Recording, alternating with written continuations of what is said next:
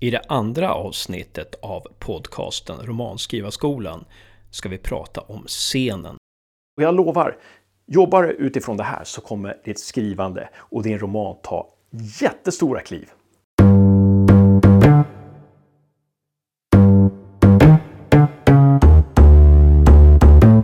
Idag pratar vi om scenen. Och då undrar några så här, men scenen, vad är det? Det hör väl inte ihop med romanskrivande? Jo, det är ganska bra att använda sig av scenarbete när man jobbar som romanförfattare. Men det är ingenting som läsaren ska se, utan det är enbart något man använder för sin egen arbetsprocess. Det är bara ett arbetsredskap helt enkelt. Ingen som kan komma och säga att eh, det där är inte en scen, det där är inte en scen, utan du bestämmer själv. Så vad är då en scen? Ja, när man skriver en roman på 2, 3, 4, 5, 600 sidor så, så är ju inte det bara en enda lång sträcka. Utan det är ju, den består ju den här romanen av flera små etapper. Och det är bra att organisera sitt skrivande i de här små etapperna. Och de här minsta etapperna skulle jag vilja kalla scener. Då. Många romanförfattare säger ja, jag jobbar med scen, jag jobbar med scen, ja kul, jobbar du med scen? Ja. Men det är väldigt få som berättar hur de jobbar med det.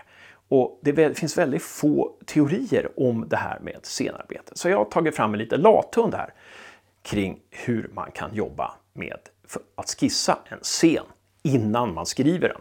Men är det så att scenen bara rullar på, det skrivande bara rullar på, kör bara på, då behöver du inte skissa någon scen. Då har du det, då har du det gratis så att säga. Okej, okay, lathunden. Vi går till första punkten. Friktionen. Ta och fundera var friktionen finns i din scen. Och istället för friktion kan man säga laddning. Man kan säga där det skaver till exempel. Men jag aktar mig för sådana här ord som kris och konflikt och vändpunkt. För de, de, de känns så stora, det känns så bombastiskt som att det måste bli världskrig eller någon dör. Och sånt där. För att friktionen i en scen, det behöver bara vara något litet. Du kanske tänker att ja, men många av mina scener, det händer ingenting. Det är liksom bara mellanscener på vägen. Så kan det vara. Många scener är bara mellanscener på vägen. Men det måste alltid finnas en friktion. Annars kan du nästan lika gärna stryka den scenen skulle jag vilja säga. Vad kan vara en friktion? Ja, en sån simpel eller enkel scen som att någon kommer in genom en dörr öppnar dörren, går över ett golv och går ut genom en dörr på andra sidan. Det kan vara en scen. Men tänk då om du har friktionen är att när personen kommer in här eh, halvvägs över golvet så får den syn på sina skor och tänker usch vilka fula skor jag tar på mig idag. Det kan räcka för friktion i en scen. Och utifrån friktionen kan du bygga scenen sen. Oftast. Tycker du att det här med friktion, nej, det var ingen bra startpunkt för mig. Helt okej. Okay. Då kan du gå vidare till nästa steg. Nummer två. Som är vad vill du visa med scenen? Vad vill du med den här scenen? Och det kan vara, låt oss återvända till den här eh, snubben som kommer in genom en dörr, promenerar över ett golv och går ut genom en annan dörr. Med den scenen kanske du vill visa att eh, den här personen kanske är en annan i sin ensamhet än han är i offentligheten. Det kan räcka. Punkt 3 i lathunden. Fundera på vilka karaktärer som finns i den här scenen och vilket perspektiv vi ska följa. Alltså genom vilkens ögon ser vi den här scenen. Det kan ju vara en allvetande berättares ögon, det kan det vara. men det kan ju också vara eh, protagonistens ögon eller så kan det vara någon annan person. Det kommer kunna hjälpa dig ganska mycket när du har bestämt det.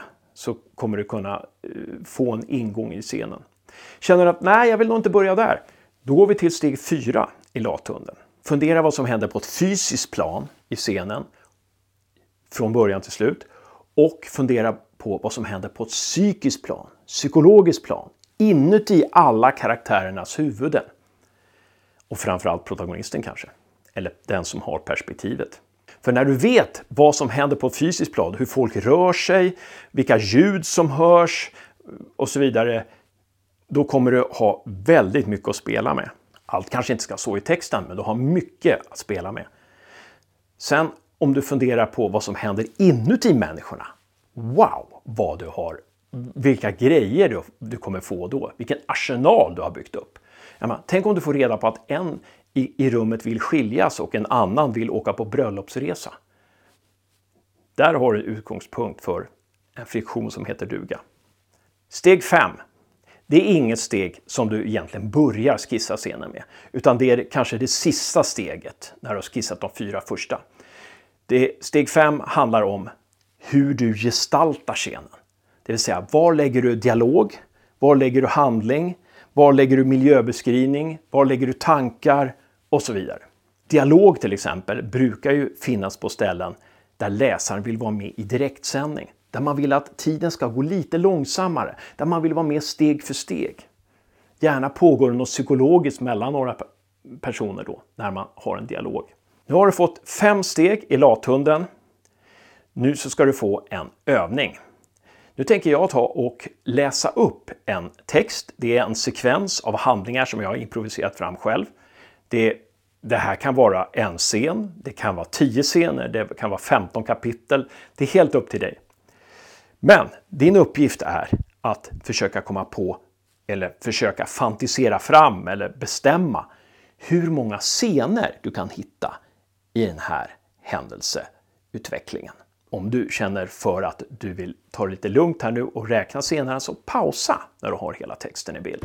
Protagonisten har migrän på sitt kontorsjobb men låtsas att vara effektiv. På väg hem cyklar hon förbi apoteket för att ta ut sin receptbelagda medicin. Men hennes lägg har slutat gälla. Hon blir nekad att handla. Protagonisten cyklar hem. Tycker sig se en hund som hon hade som barn. Protagonisten cyklar på ett barn. Barnet blir chockat, men barnets föräldrar märker inget.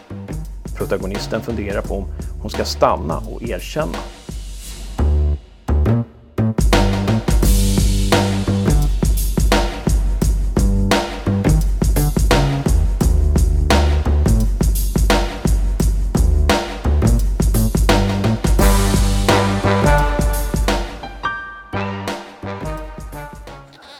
Ja, du säger det.